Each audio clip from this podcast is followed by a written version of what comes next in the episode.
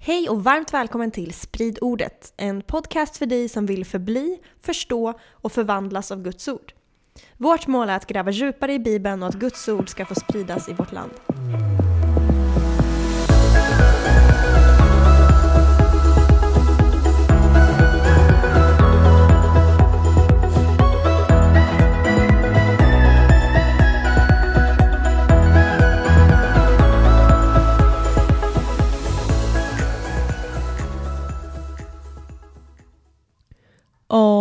Right, vi är igång igen. Sprid ordet, Guds rike, avsnitt 7. Heligt tal, väldigt bra. Och eh, förra gången så kollade vi på hur Jesus verkligen bekräftar att han är kungen i riket. Han uppfyller profetian och han vittnar med sin auktoritet att han är kungen, Messias, Davids son. Den sanna Adam, det sanna Israel. Men eh, vad ska vi göra nu? Vi ska prata om riket. Nej. Nej. och eh, vi ska prata om, alltså vi har försökt göra det här Guds rike konceptet ganska kronologiskt. Vi har försökt gå igenom Bibeln från början till slut. Liksom. Mhm. Så vi har kommit till Jesus, vi pratar om Jesus då. Så nu kommer vi gå igenom lite mer i evangelierna, liksom, vad det innebär att, om, om, om eh, rikets mysterium. Vad, vad innebär det att det kanske har kommit, men ändå inte? Just det. Och det liksom, i ljuset av speciellt evangelierna. Ja. Eh, och sen nästa avsnitt blir mer då i ljuset av breven kanske och det kristna livet. Och sen så kanske vi kommer till Uppenbarelseboken så småningom. Spännande. Typ så. Mm. Och Jesus eh, snackar ju rätt mycket om riket. Han gör ju asmånga typ liknelser och så här. Eller först och främst säger han ju, säger han inte riket är här? Nej, snart här. Ja men det här pratade vi om förra gången. Precis, riket är nära säger han. Ja, precis. Riket och vissa översättningar säger riket är här. Ja. Och Så- så, pratar han om eh, många liknelser. Mm. Mhm. Så det liksom, alltså man kan säga att det nytestamentliga paradigmet är riket har kommit och riket kommer komma. Det är de två olika modellerna. Mm. Och då finns det massa teologer som försökt beskriva det här och prata om det här. Och Ladd, George Ellon Ladd, han pratar om Laddie. Nej, Ladd. Han pratar om framtidens närvaro. Hur framtiden invaderat nuet. Mm. Sen har vi eh, en annan term från Ladd är uppfyllande utan fulländning eller fulfillment without consummation. Och sen har vi då eh, Oscar Kullman, han pratar om nu men inte ännu. Och det är kanske den populäraste eh, vad ska vi kalla det? Frasen för att beskriva det här fenomenet. Ja, den känner jag igen. Mm. Och sen har vi då N.T. Wright, han pratar om eh, inaugurated eschatology, alltså invigd eskatologi. Och Vilket betyder? Ja, eskatologi är ett väldigt fancy namn för den sista tiden. Så, eller yttersta tiden. Så att invigd eskatologi, es, eskatologi det betyder att liksom, den sista tiden har börjat nu. Det är som att ja, men Jesus har, eh, han har vunnit men han, han har vunnit presidentvalet men han har inte klivit in i office typ. Mm. Försökt sig invigd eskatologi många gånger snabbt. Ja, i alla fall. Det här nu men inte ännu, det är den populäraste frasen. Och det sammanfattar hela konceptet väldigt, väldigt väl. För Oscar Kullman då, som var en luthersk teolog, han, han använde det här liksom för att eh, fånga skillnaden mellan riket i nuet och riket i framtiden. Mm. Och då, vi har pratat om det här i en episod tidigare, men hur, hur i andra världskriget, då var de allierade, de, skulle, de var ju liksom garanterade, garanterat att de skulle vinna när de landade sina trupper i Normandie 6 juni 1944. Just det. Det var liksom, ja men nu har de vunnit. Och det är därför man kallar det dagen D. Mm. Men det var ju inte då de faktiskt hade vunnit. Mm. För kriget slutade ju i maj 1945. Så det här är Victory in Europe Day. Så, VE Day, som är, det här är i maj 1945. Så Hitler gav inte upp på D-dagen. Utan han fortsatte att skada så mycket som möjligt. Mm. Och lite det är hans bild då kring Guds rike också. Mm. Att det som man har vunnit men inte fullbordat. Ja men precis. Så liksom i och med Kristi födelse, tjänst, död, uppståndelse och sen när anden faller på pingsten, då är det liksom början på slutet. Det är den kosmiska, eller den universella D-dagen. Mm. Mm. Men vi i dig är när Jesus kommer tillbaka igen. Yes, exakt. Så nu är vi liksom i den här fasen när vi sänds ut i världen för att predika de goda nyheterna om riket. Mm. Att Jesus har besegrat döden, du kan få dina synder förlåtna, du kan få uppleva uppståndelsekraften här och nu, du kan bli helad från dina sjukdomar, du kan få uppleva Guds rike här och nu, men inte i dess fullhet, utan fullheten kommer komma när Jesus återvänder en dag och upprättar riket helt och fullt på jorden.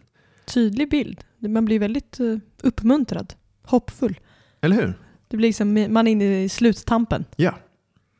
Så då, då är det, vi har alltså, riket har kommit och riket kommer komma. Så riket har kommit och det vet vi. Varför vet vi det? Ja, men dels för du och jag har blivit frälsta, vi har blivit födda på nytt, eller hur? Oh yeah. När vi blev födda på nytt så kunde vi se Guds rike. Plötsligt så ser vi världen i Guds rikes ljus. Liksom. Det är det som är frälsningsupplevelsen, man plötsligt kan se eh, Guds rike här på jorden. Mm. Och eh, Jesus själv säger ju att Guds riket kom i och med honom. Han, han predikar ju omvänd er för himmelriket är nära, typ, säger han ju. Guds rike är nära. Ja. Och det är en parentes, ju. Ibland säger han himmelriket, ibland Guds rike. ja, det är samma sak. Ja, alltså det är ju det här som är debatten då. Nästan alla teologer säger att det är samma sak. Ja. För det betyder riket från himlen. Alltså Mm. att himlen har sänkts ner på jorden. Gud hänger i Och, himlen. och Guds domän liksom är Ja. ju himlen. Men sen har vi vissa andra teologer som är i minoritet. De skulle mena att det finns små skillnader mellan det. Jag kommer inte gå in på det, men det är fascinerande att diskutera det. Det kan man studera om man vill. Så är det, så är det verkligen. Men i alla fall, du vet, så när Jesus går runt här på jorden, då predikar han. Han säger till sina lärjungar typ så här. Där ni går fram ska ni predika. Himmelriket är nu här. Och sen säger han ju bota sjuka, uppväck döda, gör spetälska rena och driv ut onda andar. Det ni fått som gåva, ge som gåva. Mm. Och det är ju budskapet av att nu är Guds rike här. När de här sakerna äger rum. Så vi vet att Guds rike är här, för det där ägde ju rum. När Ja. Jesus var på jorden och lärjungarna gick runt. Absolut. Och då blir det så här, om du var en, en em, bevandrad läsare av hebreiska skrifterna, Tanakh, Mhm. de första 39 böckerna, och då har du läst om det profetiska hoppet som vi har pratat om i tidigare episoder, och du ser det här ske, och så säger han att Guds rike har kommit, då blir du väldigt fundersam, för vad då har Guds rike kommit? Jag ser inte att Messias sitter på tronen i Jerusalem, Nej. jag ser inte universell världsfred. Jag ser inte att dödas uppståndelse ägt rum. Till exempel. Mm. Och då börjar man tvivla på att Jesus är den han säger att han är. Precis, och det är därför judar idag inte tror på Jesus. Mm. För de menar att han inte uppfyller det Messias skulle uppfylla. Och när jag säger judar då pratar jag om majoritet judar. Ja. Det finns väldigt många, eller ja, även om det är minoritet, som tror på Jesus idag. Mm. Så, kallad, så kallat messianska judar. Men eh, liksom, vad, vad menar Jesus med Guds rike? Förenklat skulle du kunna säga att Guds rike är när Guds vilja sker på jorden.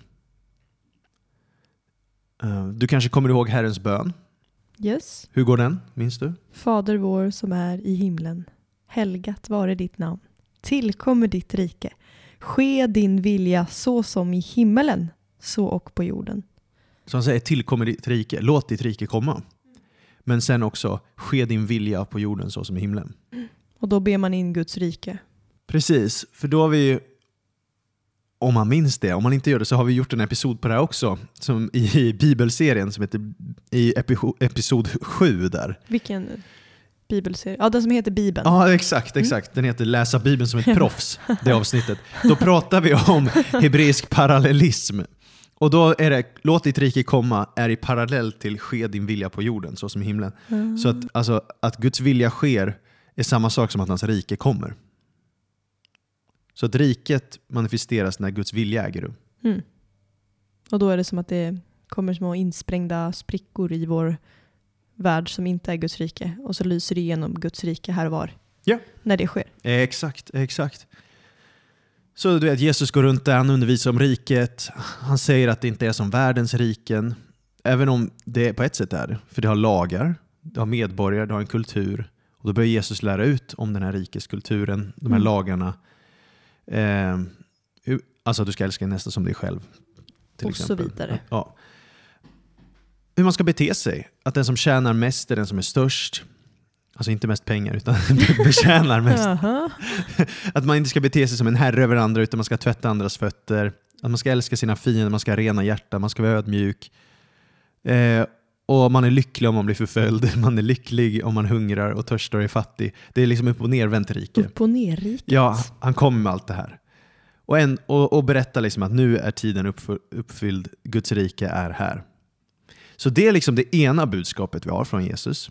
Mm. Men han pratar också ständigt om riket i framtiden. Mm. Hur det kommer komma ett rike i framtiden. Vilket vi lite har tappat, har vi inte det? Alltså svensk kristenhet idag. Man pratar inte så mycket om hoppet i himlen, hoppet i framtiden. Vilket egentligen är ganska konstigt eftersom det är hela grejen att vi längtar efter att Guds rike ska bli helt och fullt. Mm. Eller? Stämmer Ja. min analys? Ja, men kanske. Kanske. I vissa sammanhang i Ja, det beror på vilka kretsar man rör sig i. Vi har inte rört oss i alla. Och det kan väl också ha att göra med alltså, rent historiskt att kristenheten i Sverige har gjort tvärtom. Att den har poängterat det för mycket ur någon form av skrämselpropagandaversion och då blir det att folk blir rädda för det och då pratar man inte om det längre. Kan det stämma? Ja, ja men absolut. absolut. I don't know. Så kan det mycket väl vara. I'm still young. Ja, i alla fall. Så det här med spänningen. Jesus själv anspelar på den på flera ställen. Vi ska alldeles strax kolla på Jesus liknelser och djupdyka verkligen i det i det här avsnittet. Men när Jesus går på jorden, då säger han i Matteus 12.28 Om det är med Guds ande jag driver ut de onda andarna har Guds rike kommit till er. Det vill säga, Det är här. det är här för att anden är tecknet på Guds rike. Och det pratade vi en hel del om förra gången, att Mm. så här, anden är liksom tecknet på att Jesus är Messias, att anden manifesterar framtidens närvaro här och nu. Mm. Och att riket blir, vi kan uppleva riket nu genom helig ande. Men eh, den här anden, det är spännande där, Jesus sa ju där att om jag driver ut onda andarna med Guds ande, då har Guds rike kommit till er. Sen står det något väldigt intressant i Matteus 8.29 om du vill läsa det för oss. Nu skrek de Vad har vi med dig att göra, du Guds son? Har du kommit hit för att plåga oss i förtid? Och det är demoner som säger det här. Det är demoner som säger det till Jesus. När Guds son, Jesus kommer och så skriker de Har du kommit för att plåga oss i förtid? Så de vet att de ska plågas. Ja, men de säger att det är i förtid. Det har inte kommit än. Egentligen. Alltså, Ja, fullheten. exakt, så de är medvetna om det här. Liksom. Vänta, det här är ju före tiden.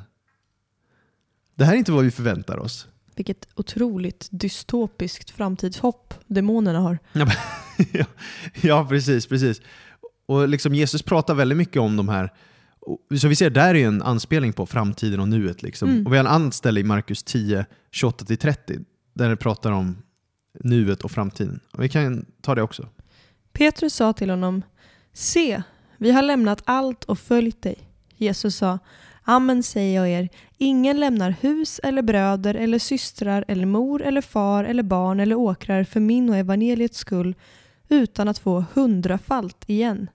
Här i världen får de hus, bröder, systrar, mödrar, barn och åkrar mitt under förföljelser och i den kommande tidsåldern evigt liv. Så här har vi två eror. Här, i vär- världen, Ja, precis. Här i världen och kommande tidsåldern. just det. Så den nuvarande tidsåldern och den kommande tidsåldern. Och det här är jättespännande. Så det, det är som att... Eh, ja, Jesus pratar om två tidsåldrar. Ja, Och ändå har han kommit med en ny tidsålder också. Så det är som att framtiden har liksom överlappat med det förflutna. Eh, och så väntar vi tills det, framtiden ska överta det helt. Jag älskar att du visar det här med händerna också. Bara så ni vet. Ja, men du ska ju ta fram din telefon här och vi får börja videopodda istället kanske. Eller inte, eller? Då kan inte du ha morgonrock på dig jag har kanske. morgonrock på mig nu, jag känner det var kallt. Fast det är inte morgon när vi spelar in. Jag frös. Jag har också tofflor med öron på. Ifall någon får anteckningar på det. Då vet vi det, då kan vi gå vidare. Nej men så här, och det, alltså, det är väldigt fantastiskt att eh, Guds rike inte har kommit i sin fullhet. På ett sätt. För- Absolut. För att om det hade gjort det, det skulle vara väldigt deprimerande. Ja, och vi hade inte haft något framtidshopp. Nej men för att om det hade kommit i sin fullhet och det, världen ser fortfarande ut som den gör. Kaos. Vi har fortfarande synd, död, sjukdom, onda andemakter, Orättvisor orättvisor, na- naturkatastrofer, allt det här. Och allt det här påstår ju Nya Testamentet att Jesus övervann. Mm.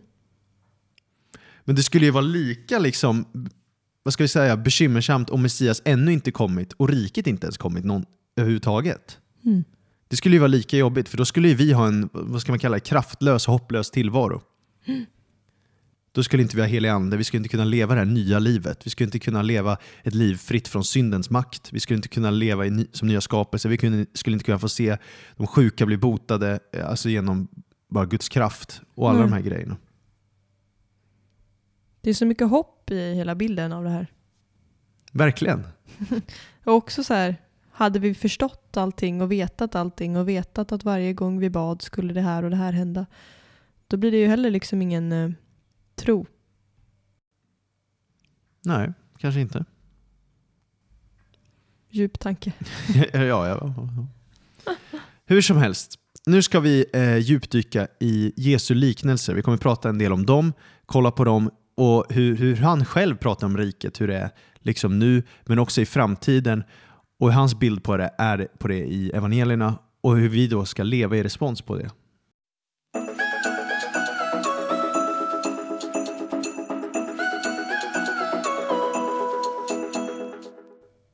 Okej.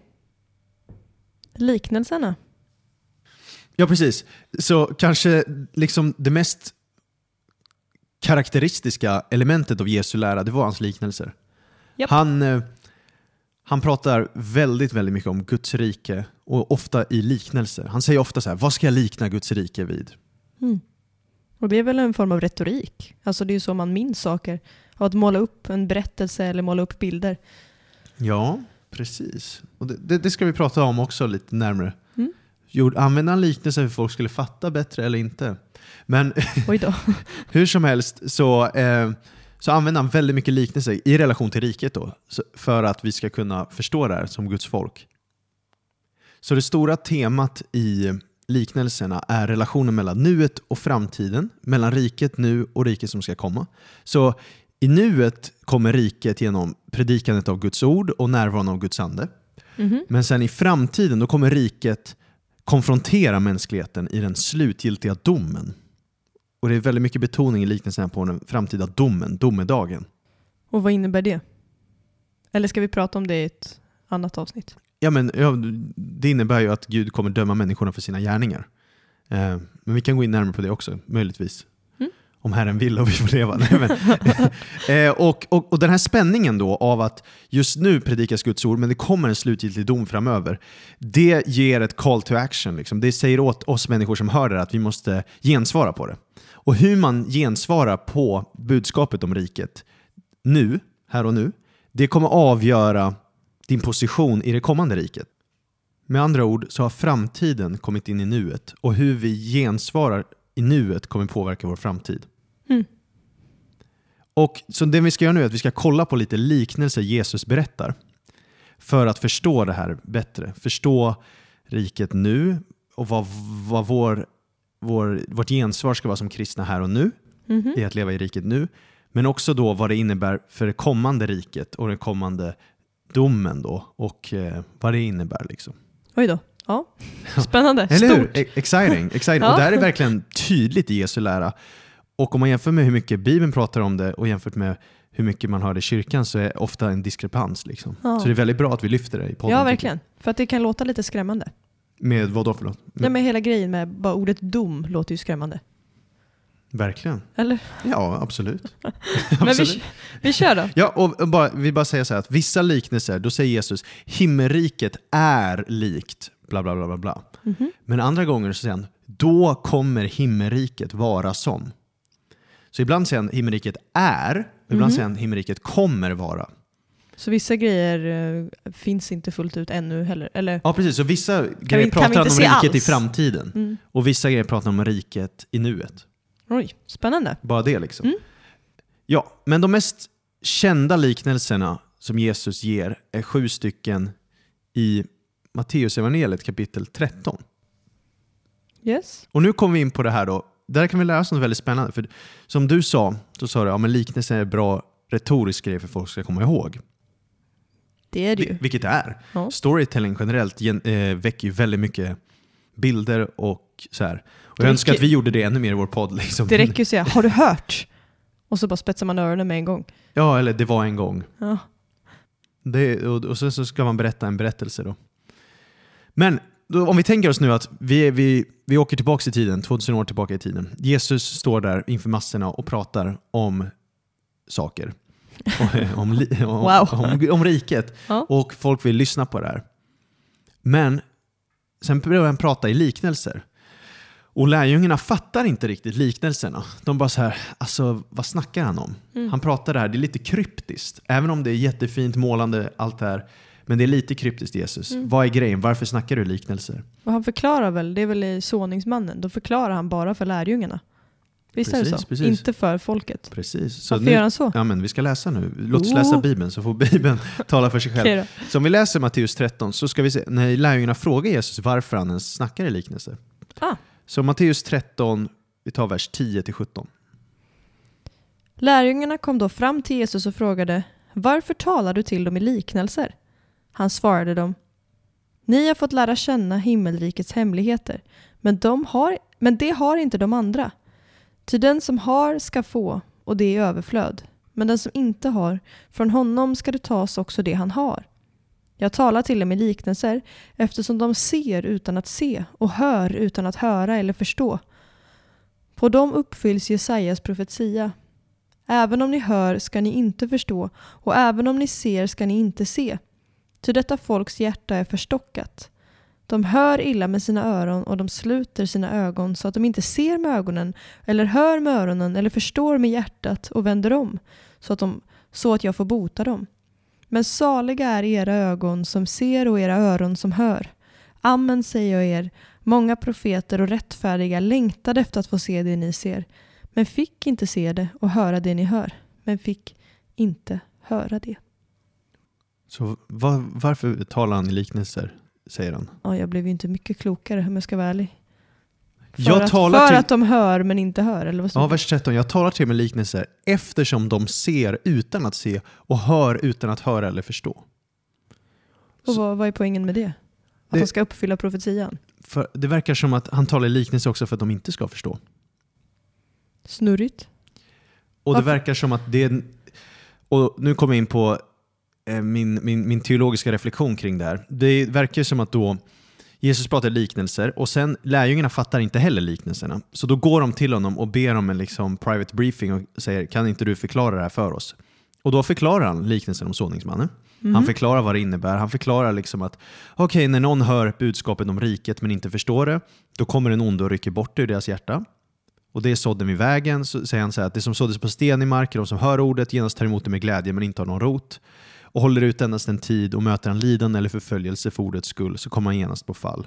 Och så förklarar han vad de här som såddes bland tistlar är för någonting. Att det är de som hör ordet. Och du vet, det är den här liknelsen Ja. om såningsmannen. Mhm. Och han förklarar liksom olika jordmåner. Och så får, får de en förklaring för liknelsen med såningsmannen.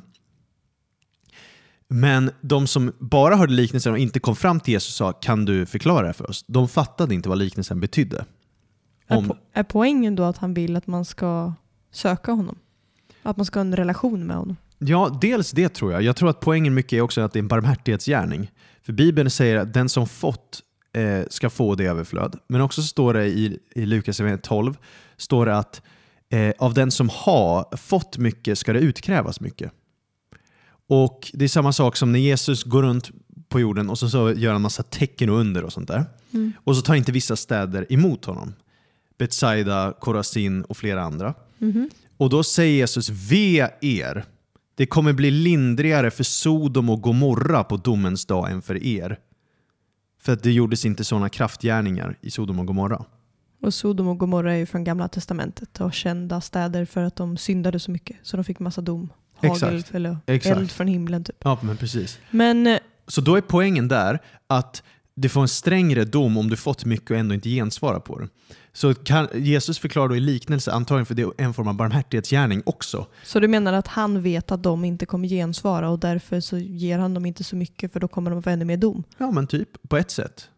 Det är min teologiska reflektion. Du, du låter skeptisk, eller? Nej jag vet inte. Det är kanske. Men det kan ju också bara vara att det blir ett tecken på att Jesus är Messias för att det uppfyller ju också profetian. Absolut, Absolut. det håller jag sa i samma 100% text. med om. Det håller jag 100% med om. Ja, nej du behöver inte hålla med. Jo då.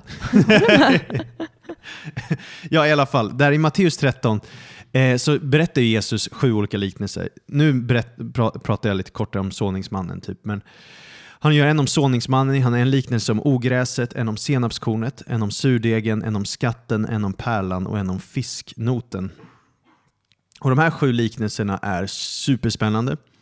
Och om någon vill göra sin läxa så, så, så finns det möjligtvis paralleller på de här sju liknelserna till de sju breven i Uppenbarelseboken. Det finns möjligtvis sju paralleller eh, också till eh, Paulus brev i Nya Testamentet. Um, ja, jag bara droppar Spännande. den där så får man göra sin egen läxa om man vill det. Men eh, hur som helst, som, som jag bara kort inne på, den här första liknelsen den handlar mycket om du vet, att sådd i olika jordmåner och att folk gensvarar olika till budskapet om riket. Vissa rycker on, den onde bort budskapet direkt, vissa tar emot det med glädje men tappar vid förföljelse. Mm. Vissa låter ordets frukt kvävas genom tistlar, alltså världsliga bekymmer och rikedom. Och vissa tar emot ordet om riket, förstår och bär massor av frukt. Och det är ju liksom bara en bild på att det kommer vara hur himmelriket är här på jorden, det är att alla kommer inte ta emot det. Nej. Och alla, vissa tar emot det bara en tid och sen lämnar de det. Och det är väldigt målande för det är ju hur vi själva upplevt det. Ja, absolut. Om man till exempel har delat med sig om tron till någon som verkar superintresserad och man bara yes, den här personen kommer lära känna Jesus. Och sen dröjer det några månader och sen så bara struntade den i det. Och då så bara, ja men just det, det finns ju faktiskt beskrivet, även fast det är jättesorgligt, Ja. så finns det ju faktiskt beskrivet. Eh, men Gud uppmuntrar till att vi ska så överallt. Ja. Exakt, exakt. Och många av de här liknelserna då, det handlar också om framtiden. Till exempel såningsmannen, han ser fram emot en framtida skörd. Det är därför han sår. Ja. Eller en annan liknelse, det är ju det här med ogräs och vete som växer ihop tills skörden. Mm. Och i slutet av tidsåldern så står det att vissa människor kommer skina som solen i härlighet och vissa kommer brännas i eld.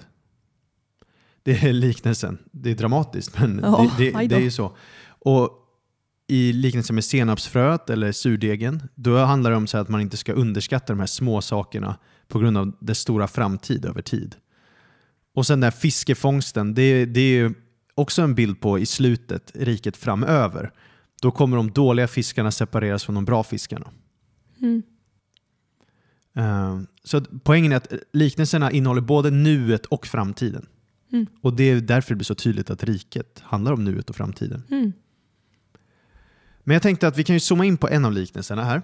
Ja. Bara och, och läsa lite. Vi hinner inte göra alla nu för att jag vill täcka så mycket. och inte göra för lång serie heller. Men vi läser den liknelsen om ogräset. Yes, och den hittar vi i Matteus 13, 24-30. En annan liknelse framställer han för dem. Himmelriket är likt en man som sådde god säd i sin åker. Men då folket sov kom hans ovän och sådde ogräs mitt ibland vetet och gick sedan sin väg. När nu säden sköt upp och gick i ax visade sig också ogräset. Då gick tjänarna till sin herre och sa Herre, visst sådde du god säd i din åker. Varifrån har då ogräset kommit? Han svarade, en ovän har gjort det. Tjänarna frågade honom, vill du att vi ska gå och samla ihop det? Nej, svarade han. Om ni rensar bort ogräset kan ni på samma gång rycka upp vetet. Låt båda växa tillsammans fram till skörden. Och när skördetiden är inne ska jag säga till skördemännen, samla först ihop ogräset och bind det i knippen som ska brännas upp. Men vetet ska ni samla i min loge. Ja, och eh, sen förklarar Jesus det här då. Och då är det återigen att Jesus lämnar folkskaran och går hem. Och då kommer hans lärjungar till honom privat och frågar Hallå! Förklara för oss liknelsen. Och då förklarar han liknelsen. Så han förklarar inte liknelsen offentligt. Nej. Jätteintressant. Men då förklarar han ju då att den som sår goda säden är människosonen. Alltså Jesus, hans favorittitel på sig själv. Åkern är världen. Den goda Ja. säden är rikets barn och ogräset är den ondes barn. Och ovännen som sådde det är djävulen. Mm. Eh, och sen så förklarar han att skördetiden är ju tidsålderns slut. Alltså när den här tidsåldern tar slut Ja. och den nya ska börja. då kommer skördemännen som är änglar. Och liksom de här, precis som ogräs samlas ihop och, och blir eh, och slängs upp i elden så kommer det vara vid tidsålderns slut. Så då kommer alltså Jesus säga att han kommer sända ut sina änglar och kommer samla ihop och föra bort ur hans rike alla, eh, alla som är, lever i laglöshet då, och kasta dem i brinnande ugnen. Harsh. Verkligen. Medan de rättfärdiga kommer lysa som solen i sin faders rike. Och sen avslutar han ofta liknelserna med Hör du som har öron att höra med. Vilket betyder att alla kommer inte förstå vad han säger. Mm. Um, men Hemskt. verkligen eh, hemskt på ett sätt och fantastiskt på ett sätt. Mm. Fantastiskt att eh, vi ens har möjligheten att få en relation med Gud. Mm. Och, men då är det återigen betoningen där på att det finns rikets barn här och nu. Mm. Men den tydliga separationen mellan det kommer vara i slutet av tidsåldern. Mm. Det är då man verkligen kommer se vem som tillhörde vilken sida. Det är nästan lite små obehagligt. Ja, och, men när hörde jag en predikan om det senast? Liksom? Ja du. Ärligt det är därför vi har talat. bibelstudier Ja, men ärligt talat. Alltså, och det är verkligen så tydligt i Jesu budskap. Det är överallt. Mm. Ja, hur som helst. Andra liknelser han har kring framtiden, det, det är på massa ställen i Bibeln. Till exempel så lär Jesus att på andra ställen, som i Lukas 8, säger han att du, kom, du ska inte gömma någonting för att i framtiden kommer allt uppenbaras. Han pratar om att man ska bygga på klippan i Lukas 6 och inte Mm. sanden, för framtiden kommer komma med liksom någonting som förstör allt som inte har en trygg grund. Mm. Han pratar om en rik dåre, som är en dåre eftersom han trodde att han kunde leva sina dagar i lättja. Ja. Men sen kommer framtiden plötsligt över honom. Och det är hela tiden det här, liksom, han pratar massa liknelser om vad och pekar på framtiden, att du ska leva för framtiden här och nu. Mm. Och uppleva rikets verklighet här och nu för att det som kommer i framtid ska påverka dig nu. Mm. Det är verkligen en karaktärsbygge eller helgelse. Mm. Alltså det bygger ju karaktär att veta att det jag gör nu spelar roll sen. Verkligen, och det vet alla eh, elitidrottsmän också. Ja. Eh, De offrar ju nuet för framtiden. De offrar ju liksom flera saker för att kunna få resultatet de vill i framtiden. Mm. Sen har det många liknelser också om eh, festmåltider och om Jesu återkomst. Det finns väldigt många sådana. Mm. Och, eh, till exempel det finns en liknelse där eh, han berättar hur man bjuder in folk till en måltid. Och om man tackar ja till måltiden då, då får man ta del av den. Om man tackar nej, då slipper man. Mm. Vilket är evangeliets inbjudan på något sätt. Mm. Att få en gemenskap med Jesus. Och det är det som på något sätt också gör det lite enklare med de här svåra frågorna. Att alla får en inbjudan. Det är, Mm. inte, det är ingen sekt. Det är inte några få utvalda som ingen... Eller så här, alla som vill ta emot Jesus, alla som vill följa Jesus, de får det. Ja, verkligen. Amen. Och sen också en viktig grej att tänka på när man läser liknelserna, det är att eh, ibland så blandar han dem. Alltså, så här. Hur då? Ja, men, alltså han pratar ibland om eh, festmåltid i en kontext av att gensvara på evangeliet här och nu. Och ibland pratar han om festmåltid i en annan liknelse om festmåltiden i framtiden i det kommande riket. Mm. Och inte Och det och bekräftar nu. ju bara hela den här grejen fortfarande. Alltså, redan här men ännu inte. Ja, absolut. Men jag menar om man tänker att det handlar om samma måltid, då kan man bli bortdribblad till exempel. För att man Mm. inte... Hur vet man skillnaden då? Ja, ofta kanske Jesus skriver, eller säger eh, att ja, men, himmelriket kommer vara som Just det, jämfört ja, det var det du sa i början. Eh, och ibland får man bara läsa kontexten. Typ. Mm. Men det finns jättemånga liknelser också om Jesu återkomst. Mm. Så vi kan väl kolla lite på någon. Ja. Eh, Lukas 12, 35 kan vi läsa från. Lukas 12, 35. Yes. Mm. Spänn bältet om livet och håll lamporna brinnande. Var lika, var lika tjänare som väntar sin herre hem från bröllopsfesten och som genast är redo att öppna för honom när han kommer och knackar på. Saliga är de tjänare som Herren finner vakande när han kommer. Amen säger jag er, han ska fästa upp sina kläder och låta dem lägga sig till bords och själv komma och betjäna dem. Kommer han under Kommer han under andra eller tredje nattväkten, saliga är det om man finner dem vakande. Men, de förstår, men det förstår ni ju, att om husägaren visste när tjuven kom skulle han inte låta honom bryta sig in i sitt hus.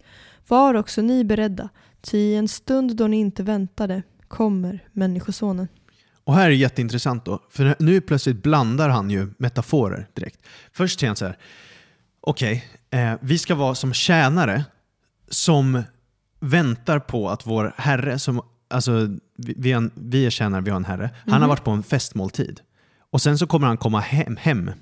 Och då ska vi vara beredda på att ta emot honom direkt. Mm. Om du är som den tjänaren, salig är du då, lycklig är du då. Mm. För då kommer den här tjänaren bli så, eller herren blir så imponerad av tjänaren att han själv kommer betjäna tjänaren. Stort. Och till och med om man kommer sjukt sent på natten, då ska du vara väldigt salig. Mm. Och sen bara i vers 39 switchar han Så liknelsen. snacka om en tjuv istället. Och då liknar han sig själv vid en tjuv istället. Och det här är, det är därför man får vara med.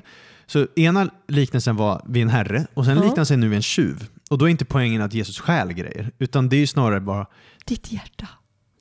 nej, nej. Förlåt.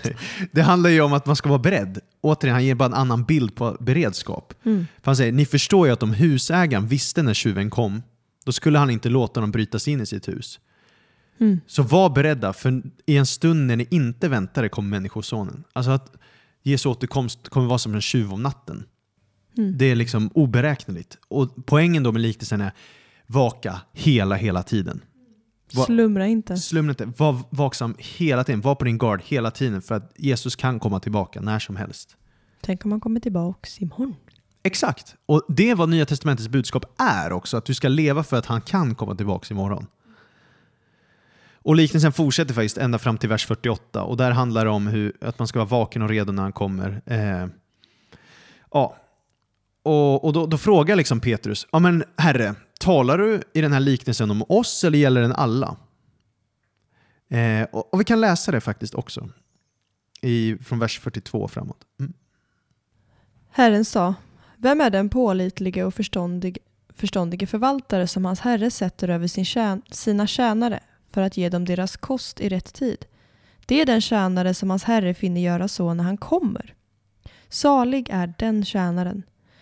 Jag säger er sanningen, han ska sätta honom över allt han äger. Men om tjänaren skulle säga i sitt hjärta, min herre kommer inte så snart och han börjar slå tjänarna och tjänarinnorna och äta och dricka sig redlöst berusad. Då ska den tjänarens herre komma en dag han inte väntade och i en stund han inte anade och han ska hugga honom i stycken och låta honom få sin plats bland de trolösa. Den tjänare som vet sin herres vilja men ingenting ställer i ordning och inte handlar efter hans vilja, han ska piskas med många rapp. Men den som inte känner till den och gör något som förtjänar spöstraff, han ska piskas med få rapp. Var och en som har fått mycket, av honom ska det krävas mycket. Och den som har blivit betrodd med mycket, av honom ska det utkrävas så mycket mer. Och så läser vi det här bara, wow! Oj, vad är det Jesus säger här? Han, han ger en liknelse återigen på sin återkomst. Liksom, att Okej, det finns en spänning i nuet och framtiden. Och ni är, alltså, just nu är ni Herrens tjänare. Just nu. Mm. Och du ska verkligen ta din roll på allvar. Men om du då inte gör det, utan du säger i ditt hjärta Nej men min herre kommer inte så snart. Och istället så börjar han äta och dricka sig redlöst berusad. Och det är liksom, han äter inte och dricker inte Herren längre. Alltså Nej. så här, om du fattar metaforen. ja. Utan han, han, han gör, ägnar sig åt något annat. Och så att han inte är beredd när han kommer tillbaka. Då är det så allvarligt att han säger att han kommer hugga honom i stycken och låta honom få sin plats bland de trolösa. det låter helt brutalt. Ja, det är ju helt otroligt egentligen vad Jesus säger. Och så säger han, den tjänare som vet sin herres vilja men ingenting ställer i ordning och inte handlar efter hans vilja, han ska piskas med många rapp. Men den som inte känner till den och gör något som förtjänar spöstraff, eh, spöstraff han ska piskas med få rapp. Mm. Då kommer du återigen i det här med att den som fått mycket kommer utkrävas mycket, men den som fått lite kommer inte utkrävas lika mycket av. Mm. Som jag pratade innan om det med liknelserna och sådär. Mm. Och, och, och när man kollar på alla de här liknelserna så är det jättemycket betonat på att här och nu, Guds rike här och nu, handlar om förvaltarskap. Att Gud har satt dig och mig som förvaltare. Vi är Mm. tjänare och hur vi förvaltar saker här och nu avgör framtiden också. Mm. Och han är ju jättetydlig med hur allvarligt han ser på synd. Och eh, att vi inte liksom ska tänka, ja ja, men eh, jag kan synda nu och så kan jag säga förlåt sen. Mm. Eller så här, jag kan ju göra det här dumma idag för jag har ju en ny dag imorgon. För att alltså hur allvarligt Gud ser på synd Ja. och hur den här personen i liknelsen liksom bara, "Ah, ja, han kommer ju inte än så det är Mm. lugnt. Och det mindsetet att synd är alltid allvarligt. Och Ja. särskilt här då, eh, aktivt, alltså du gör det med flit verkligen. Ja, Du ja. vet att det är fel och Yes. ändå så gör du det. Exakt. Exakt. Väldigt bra poäng. Och i den här liknelsen var det ju att då kan Jesus komma tillbaka plötsligt. Mm. Men i en annan liknelse så är det att ja, men du själv kan dö plötsligt. Ja, Så då är det ju samma sak att du möter Herren då. Ehm, så det är kall till beredskap där. Men det är fascinerande hur många av Jesu liknelser som handlar om riket, när han pratar om himmelriket, som handlar om just förvaltarskap. Mm. Till exempel i eh, Matteus 25 så, så ger han, eh, då pratar han om att, att himmelriket kommer bli som när en man skulle resa utomlands. Han kallar till sig sina tjänare och lämnade sin förmögenhet åt dem. Och sen så är han borta en tid, ger dem olika, olika talenter. En får en, vad är det, och en får fem och en får tio tror jag det jag tror det är olika olika evangelier. Ja, i Matteus 25 är det Ja. något sånt tror jag. Och sen så kräver han redovisning av hur de förvaltat när han kommer tillbaka. Mm. Eller finns det någon annan liknelse i Matteus 21 där han liknar det vid typ hur, hur han sätter förvaltare över en vingård. Mm. Och så kräver han redovisning av hur de förvaltat det när han kommer tillbaka. Ehm, Och det kan ju låta, alltså bara, man kan ju lyssna på det här och bara tycka att det låter betungande. mm, och blir liksom rädd och bara åh nej jag är för dålig typ. mm. Eller så kan man läsa det här eller lyssna på det här och tänka att jag har verkligen ett syfte med mitt liv. Verkligen. Och sen, alltså det är klart man ska ha lite gudsfruktan. Alltså det är, det är sunt. Det är jättesunt. Men, och det, eh, tyvärr pratas för lite om kyrkan. Så att jag, tror, jag tror faktiskt att många som lyssnar på den här podden kommer bli väldigt chockade när vi pratar om de här sakerna. Mm. För det pratas inte så mycket om det i kyrkor generellt. Nej. Och det är ju väldigt alltså, raka rör. Yes. Men vi får ju heller inte glömma, alltså bli inte rädd när du hör det här. Alltså, har du tagit emot Jesus, nåden, alltså halleluja, Jesus är med dig, men det är också allvar i, i alltså, det handlar också om lydnad att följa Jesus. Ja, Jesus förväntar sig att du ska vänta på hans återkomst. Vi läste ju liknelserna. Mm. Och, och liknelsen är ju till också för att vi som Guds folk ska ju kalibrera våra hjärtan efter dem. Det är ju det som är lite, alltså Mm. poängen med att läsa Bibeln är att vi vill bli mer lika Jesus, rikta in våra hjärtan mer efter det. Och sen är det ju då, alltså att läsa Bibeln och fånga upp Bibeln, det är så viktigt att fånga båda sidor av alla paradoxer. Alltså, nu har vi pratat mycket om paradoxen att Guds rike är här, men det är ännu inte här. Sen finns ju också den här paradoxen då av Guds fruktan och Guds helighet, men också av glädje i Herren.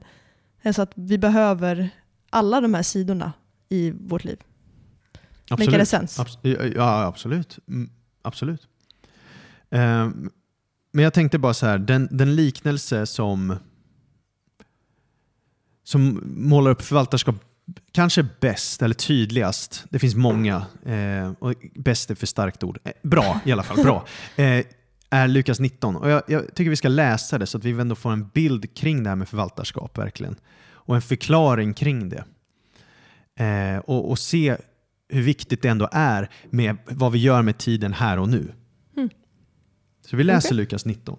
Från vers 11.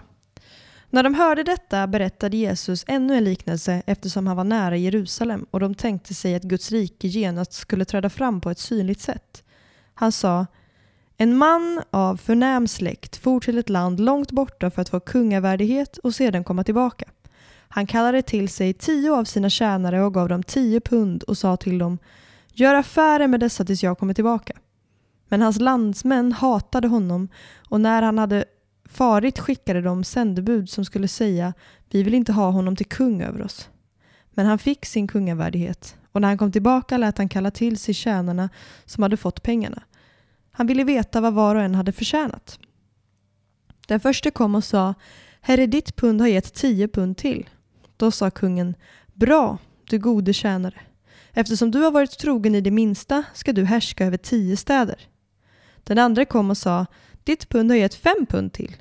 Kungen sa till honom du ska härska över fem städer. Därefter kom en annan tjänare och sa, Herre se, här är ditt pund. Jag har haft det förvarat i en duk. Av fruktan för dig, eftersom du är en sträng man som tar ut vad du inte har satt in och skördar vad du inte har sått. Hans herre sa till honom, efter dina egna ord ska jag döma dig, du onde tjänare. Du visste att jag är en sträng man, som tar ut vad jag inte har satt in och skördar vad jag inte har sått. Varför satte du inte in mina pengar i en bank, så hade jag kunnat få ut dem med ränta när jag kom tillbaka? Och till dem som stod bredvid sa han, ta ifrån honom hans pund och ge det åt den som har tio pund. De sa, Herre, han har redan tio pund. Ja, jag säger er, var och en som har ska få, men den som inget har, från honom ska, också, ska tas också det han har. Men dessa mina fiender som inte ville ha mig till kung över sig, för hit dem och hugg ner dem inför mina ögon. Oj, oj, oj. Här har vi oj, mycket. oj. Det Här har vi börjar bra och sen blir det disaster. Nej, nej, men det är bra. Det, det börjar med att en man av förnäm släkt, det är Jesus då i liknelsen, han far till ett land långt borta. Landet långt borta är himlen, kan vi tänka oss, Jesu himmelsfärd. För att få kungavärdighet. Alltså, och bokstavligt talat där på grekiska kan- så kan det vara ett rike. Han ska få ett rike och sen komma tillbaka. Och då under tiden så ger han sina tjänare ett pund var och de ska göra affärer med dem tills han kommer tillbaka. Han ger dem alltså en gåva och de ska förvalta den gåvan de fått av honom. Och vad de gör med det sen ska han kolla vad de gjort då. Men i det här, förutom tjänarna finns det vissa som hatar honom, hans landsmän. De vill inte veta av honom. De vill inte ha honom som kungens. Och det är de som sen då, när- och han kallar dem landsmännen, så det är egentligen landsmän på judarna. Mm. Och när, Jesus kom, eller när han i liknelsen kommer tillbaka då, så säger han Mina fiender som inte ville ha mig till kung, för hit dem och hugg ner dem inför mina ögon. Det är liksom, de som Harsh. inte gör Jesus till kung i sitt liv, de kommer i slutändan på yttersta domen när han kommer tillbaks inte vara välkomna in i riket. För de hade ju valet att säga ja här och nu. Men sen har du de här då som skulle förvalta sina pund. Vissa förvärvade det och blev jättemycket. Mm. Medan en annan grävde ju ner det. Eller snarare han gjorde det i en duk. Han en duk. förvarade det i en duk. Ja. Och så sa han av fruktan för det. Alltså han var rädd. Mm. Rädsla, det här du pratade om att vi inte ska bli av de här liknelserna. Ja. Av rädsla för dig eftersom du är en sträng man upplevde han liksom. Och då säger han bara nej men du visste ju det här. Varför satte du inte in mina pengar på en bank så jag kan få ut något av dem? Men det viktiga i den här liknelsen är att han hugger inte ner honom. Mm. Han hugger ner de som inte ville ha honom som kung. Just Han det. hugger inte ner den här som inte förvaltade med pundet. Det tänkte jag att han gjorde, men det gjorde han inte. Nej. Det står ingenting om att han hugger ner honom. Han bara tar pundet från honom. Precis, så han blir av med det. Och sen säger han att de som här då, den som tog ett pund och förvaltade det till tio pund, då bara wow, du kommer förhärska över tio städer. Mm. Och den andra som hade fått fem pund till bara wow, du kommer förhärska över fem städer. Och de blir belönade efter sin trofasthet och sitt förvaltarskap. Mm. Och då är alltså poängen med det här att liksom för dig och mig idag, vi har fått gåvor från Gud. Mm. En av gåvan du och jag har fått är att podda. Vi har Där fått, ser man. vi har fått massa andra gåvor också. Nej, men alltså så här, och vad vi förvaltar, hur vi förvaltar det, det kommer avgöra vår lön i det kommande riket. Uh-oh. Vi kommer inte bli nerhuggna av Jesus, liksom om vi har varit dåliga förvaltare, för att vi har gjort honom till vår kung. Mm. Vi vill ha honom som kung. Sen är vi olika förvaltare. Och beroende på då hur seriöst man tar de här gåvorna Gud har gett en. Wow, jag har fått gåvan av frälsning. Vad gör jag med den? Liksom? Mm. Lever jag i nåden? Omfamnar den helt och fullt? Och det är det som är lite grejen då. Så att här och nu blir riket synligt i det vi förvaltar av det han gett oss. I den kommande världen då så kommer vi få belöning för det. Men påverk, den här belöningen då? Är det vår frälsning? Påverkar vad vi gör här om vi blir frälsta eller inte? Nej, nej, nej, nej. Det är vad Jesus har gjort som gör att vi blir så kallat frälsta, räddade från den kommande vredesdomen. Eh, Det är nåden. det är nåden som gjort det. Och Alltså, tron. alltså så här, jag kan inte lägga till någonting med mina gärningar för att få syndernas förlåtelse. Nej. Det är Viktig bara skillnad. Jesus som gjorde det. Det här är bara nu, wow, han har tagit mig från att vara en smutsig syndare till att bli förlåten, ren och bli ett Guds barn, bli Guds tjänare, få en ny identitet på alla sätt och vis. Mm. Vad gör jag med det nya livet han har gett mig? Mm. Beroende på det, hur mycket jag förvaltar det i respons till honom, så kommer han belöna mig mer eller mindre i det kommande riket. Och vad är belöningen för något då?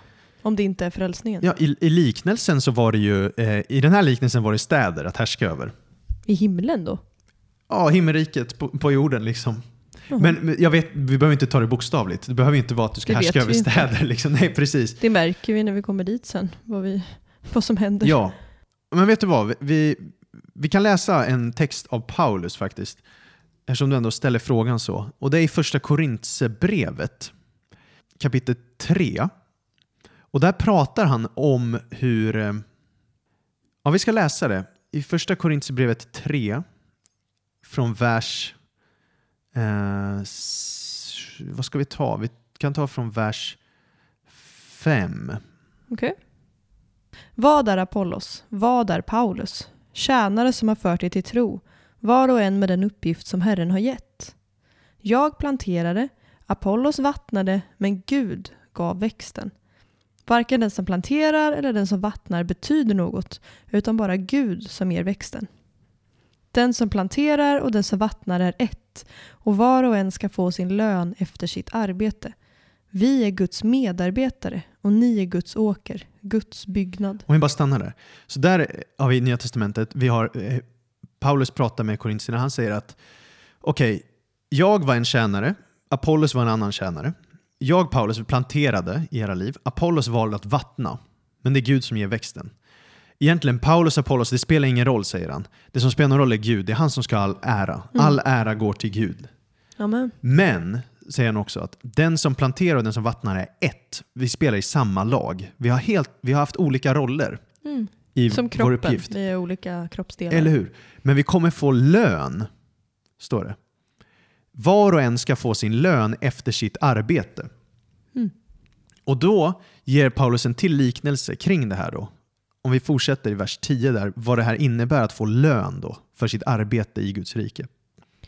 Med den nåd som Gud gett mig har jag som en kunnig byggmästare lagt grunden och nu bygger en annan vidare på den. Men var och en måste tänka på hur han bygger. Ingen kan lägga en annan grund än den som är lagd, Jesus Kristus. Om någon bygger på den grunden med guld, silver och ädelstenar eller med trä, hö och halm så ska det visa sig hur var och en har byggt. Den dagen ska visa det, för den uppenbaras i eld och elden ska pröva hur vars och ens verk är. Om det verk som någon har byggt består ska han få lön. Men om hans verk brinner upp ska han gå miste om lönen. Själv ska han dock bli frälst, men som genom eld. Och här har vi då svaret på din fråga lite. För då, då säger Paulus så här, okej. När du tror på Jesus, ingen annan kan lägga någon annan grund än den som är lagd, frälsningen, Jesus Kristus. Han är liksom din klippa. Bam! Han är grunden i Mm. ditt liv. Halleluja! Eller hur? Come on somebody. Yes. Men sen, hur väljer du att bygga vidare på den grunden? Ja. Då kan du välja, antingen bygger du guld, silver och ädelstenar. Eller så bygger du trä, hö, halm. Och skillnaden i de här grupperna är att det ena klarar av eld, det är eldtåligt. Det andra är inte eldtåligt. Mm. Då är han bilden av att vi har olika hus. Liksom. Vi alla har samma grund, Jesus. Men hur vi har gjort med det här så ser det lite olika ut. Mm. Folks trosvandringar ser väldigt annorlunda ut. På då domedagen så kommer det komma en eld. Mm. Återigen en liknelse. Så kommer det komma en eld som brinner där. Och har du byggt vissa saker i trä, hö, halm, då kommer det brinna upp. Och det enda du har kvar då är Kristus som grund. Mm. Medan i andra fall kommer det finnas guld, silver och dyrbara stenar eller ädelstenar. Och de består elden. Och då kommer du ha det kvar. Mm. Och det var därför Paulus sa att om allt bränns upp så kommer du gå miste om lönen men du själv kommer bli frälst. Mm. Så bilden är alltså vad du, hur du gensvarar på vad Jesus gjort för dig och vad du låter Gud göra genom dig. Det är ju det som sen kommer avgöra om du har någon lön framöver. Mm. Vad tänker du när jag säger så? Jag fick en annan liknelse då. Mhm. En, ehm, inte lika bra som Bibelns, men okej, jag testar. Tänk dig att du är ett barn som får en julklapp. Och så är det någon sån här, eh, typ, vad kan man kalla det? En, eh, en eh, sån här låda med experimentlåda. Mhm. Du får en experimentlåda i, i julklapp. Eh, Så det är massa roliga grejer där du kan lära dig massa, massa saker. Men eh, du blir jätteglad och tackar Gud, eh, inte Gud, pappa, mamma, jag vet inte vem du får den av, faster, gammelfaster, för presenten. Men du öppnar den inte sen. Du tar bara bort paketet, liksom, så du har presenten. Mm. Men du gör den inte. Mm. Så du lär ingenting av den. Och du har inte det där roliga som du skulle ha från den. Mm. Och du kan heller inte lära vidare någon annan. För att du har inte lärt dig hur Mm. de här experimenten funkar. Mm. Så du har fått presenten, Mm. men eh, du använder den Mm. inte. Ja, precis. Och då skulle i så fall, alltså pappan som gav presenten skulle då känna sen så här, "Nej, men då vill inte jag ge dig några mer gåvor för du har inte förvaltat den här. Nej. Alltså det skulle bli den Var, bilden. varför skulle typ, han ge uppföljningslådan? Ja, eh, ja men exakt. Och, och i men, exakt. Så det funkar någorlunda. Någorlunda. Ja, men, återigen, liknelser är ofullkomliga. Men Jag Liksom- efter jul. summan av budskapet i allt det här vi läser är i alla fall liksom, när du tror på Jesus, du blir frälst, du kommer in i himmelriket. Halleluja. Come on. Men sen är det faktiskt så att beroende på hur vi lever våra liv så kommer vi få olika lön. Mm. Och det här är väl också lite en sån här eh, balansgångsgrej. Hur har kyrkan i historien pratat om det här? Har man pratat Mm. om det så att det blivit lagiskt? Så att det sist blir att folk tror att det bara är mina gärningar som är viktiga. Mm, Och det är väl där vi har varit förr rent historiskt och därför vill vi inte prata om det här nu för nu låter det som att vi pratar läringsgärna. Ja, gärningslära. Gärningslära, Ja. inte lärningsgära. Det var något Ja, annat. nej men precis. Och, och, och det är viktigt att poängtera här att min, min övertygelse är liksom att de här guld, silver, dyrbara stenar som du bygger på, Mm. det är saker du bara låtit Gud göra genom dig. Mm. Alltså den sanna frukten av ditt liv är ju när, när du dör till dig själv dagligen och låter anden leva genom dig. Mm. Det är de gärningarna som gör att du kommer få en belöning på evighetens dag. Det enda som spelar någon roll är vad Kristus gjort genom mig, inte vad jag gjort i egen styrka. Mm. Om jag har gjort saker för egen självupphöjelse, då är det inte, liksom, då är det inte värt någonting. Mm. Eller som Jesus själv när han pratar om flera liknelser. När du ber, ber du offentligt, då får du din lön redan offentligt. För att Mm. folk applåderar och du är så fantastisk. Men går du in i kammaren och ber i fördolda, då kommer du bli belönad av Gud. Mm. På domedagen. Ja, Lite den grejen. spännande ämne. Jättespännande. ämne. Intressant. Ja, och det, det tror jag väcker mycket känslor och man får prata mer om det någon annan gång. För det här är- det är en bomb. För jag, jag vet inte hur många som hör det. Alltså det här är så tydligt nytestamentligt budskap att du får lön för vad du gör. Alltså det, jag hittar det i, varen, i princip varenda bibelbok i Nya Testamentet. Och samtidigt så tycker man att det är lite obekvämt Mm. för att då tänker man bara på gärningslära. Då tänker man att det inte är nåd längre. Ja, precis. Men, men det är det verkligen. Och det skulle jag kunna gå igenom alla de bibelverserna också. Att man, man låter nåden verka genom en. Så här. Men jag tycker också det är vackert. För att Mm. om man då tänker på framtiden, då påverkar det nuet så pass mycket att vårt nu blir fyllt med mening och betydelse. Ja, det blir ju det här syftet igen. Alltså, du är inte helt onödig. Alltså, ditt liv är inte bara... Exakt. Och då blir det plötsligt, Värdigt. wow, jag kan bejaka förföljelse och för förlöjliganden. Mm. För jag lever för den kommande världen. Mm. Jag kan våga gå all in här och nu, bli hånskrattad, bli liksom ridiculed för att jag tror att Jesus är uppstånden från de döda. För jag tror på framtiden. Mm. Om jag väljer att vara en dåre som bara lever för nuet och inte den kommande tidsåldern. Och jag använder alltså Jesu ord själv här då. Mm. och jag gör beslutet att bygga en större lada. Och så kommer jag inte ens få fullborda det bygget för jag plötsligt dör. Då är det bättre att det istället är ständigt redo för att Jesus kan komma tillbaka en dag Mm. och leva för evigheten. Och leva för den här festmåltiden. Och poängen med alla de här liknelserna då med Guds rike är att vi kan inte vara slappa kring nuet. Inbjudningarna till Nej. festmåltiden går ut nu. Vi kommer behöva avlägga räkenskap till hur vi förvaltat det. Liksom, oljan i lampan får inte ta slut, vilket är en annan av Jesu liknelser. Vi Mm. ska förvalta vårt pund, vi ska förvalta vårt talent. Och varför dröjer Messias att komma då? Det är för att han vill att alla ska få chansen att få en inbjudan. Mm. Så det här blir liksom att rik, budskapet om riket skapar ett behov av beslut. Och Det här är också något Jesus pratar om i liknelserna, att om man skulle inse implikationerna av sitt beslut, då skulle man vara den som säljer allt för att köpa en pärla. Liksom. Man skulle vara den som köper hela åken för att finna skatten, för att prata bibliska. man, man skulle inte göra ursäkter varför man inte kan komma till bröllopsmåltiden. Mm. Utan man skulle försöka ställa saker till rätta. Man skulle inte leva i lättja och lyx och ignorera Lazarus vid porten. Nu Mm. pratar jag bara bibliska här. Liksom pratar kanske över folks huvuden, men vissa vet vad jag pratar om. Utan alltså, och det här gensvaret är i, i, i gärning också. Liksom, att jag bara, wow, jag hänger mig i hela mitt hjärta till Gud. Mm. Och när Jesus predikade, då var det verkligen så här, de här händelserna kan ske vilken stund som helst. Det är liksom hans budskap på något sätt. Mm. Han säger verkligen, följ mig och låt de döda begrava sina döda. Alltså, Fatta beslutet nu, inte sen, utan nu. Och vilka hade svårast att följa Jesus? Vilka hade svårast att ge upp allt för Jesus för att leva för belöning i kommande världen? De som hade mycket här. De rika. De som hade saker i världen. För du vill inte ge upp det du har för något du inte sett. Ooh. Och då är det så här, men hur får du ta del av riket här? Då är det inte dina bedrifter, det är inte dina pengar som tar in dig i riket. Det är inte dina gärningar, det är bara nåd. Ja. Och det är därför de som gensvarar är ju mest på Jesu inbjudan, de fattiga, de, de, de svaga, de föraktade. Liksom. Desperata. De desperata. Mm. Och jag bara tänker så här, när jag ser det som sker i vår värld nu, då känner jag bara att vi lever väldigt mycket i många tidstecken som Jesus pratade om. Att skulle vi, vi skulle se innan hans återkomst. Och när jag ser de här liknelserna vi har pratat om att han kommer som en tjuv om natten, det, vi ska vara redo och sådär. Mm. Det är så mycket som vi inte hunnit beröra här. Men Jesus kommer tillbaka. Och riket är här och nu och hur vi förvaltar det här och nu, det kommer avgöra hur vi får uppleva det framöver. Just nu är vi i liknelsernas period där människosonen fortfarande sår god säd och fienden sår dålig säd i jorden. Mm. Riket utbredde sig över jorden. Men en dag kommer Jesus tillbaka. Då kommer domedagen. Då kommer himmelriket på jorden helt och fullt. Då går alla profetiska skrifter i uppfyllelse. Mm. Och den stora frågan blir för oss då, hur ska vi vara goda förvaltare då? Mm. Hur kan vi leva som rikets barn i denna tid som är?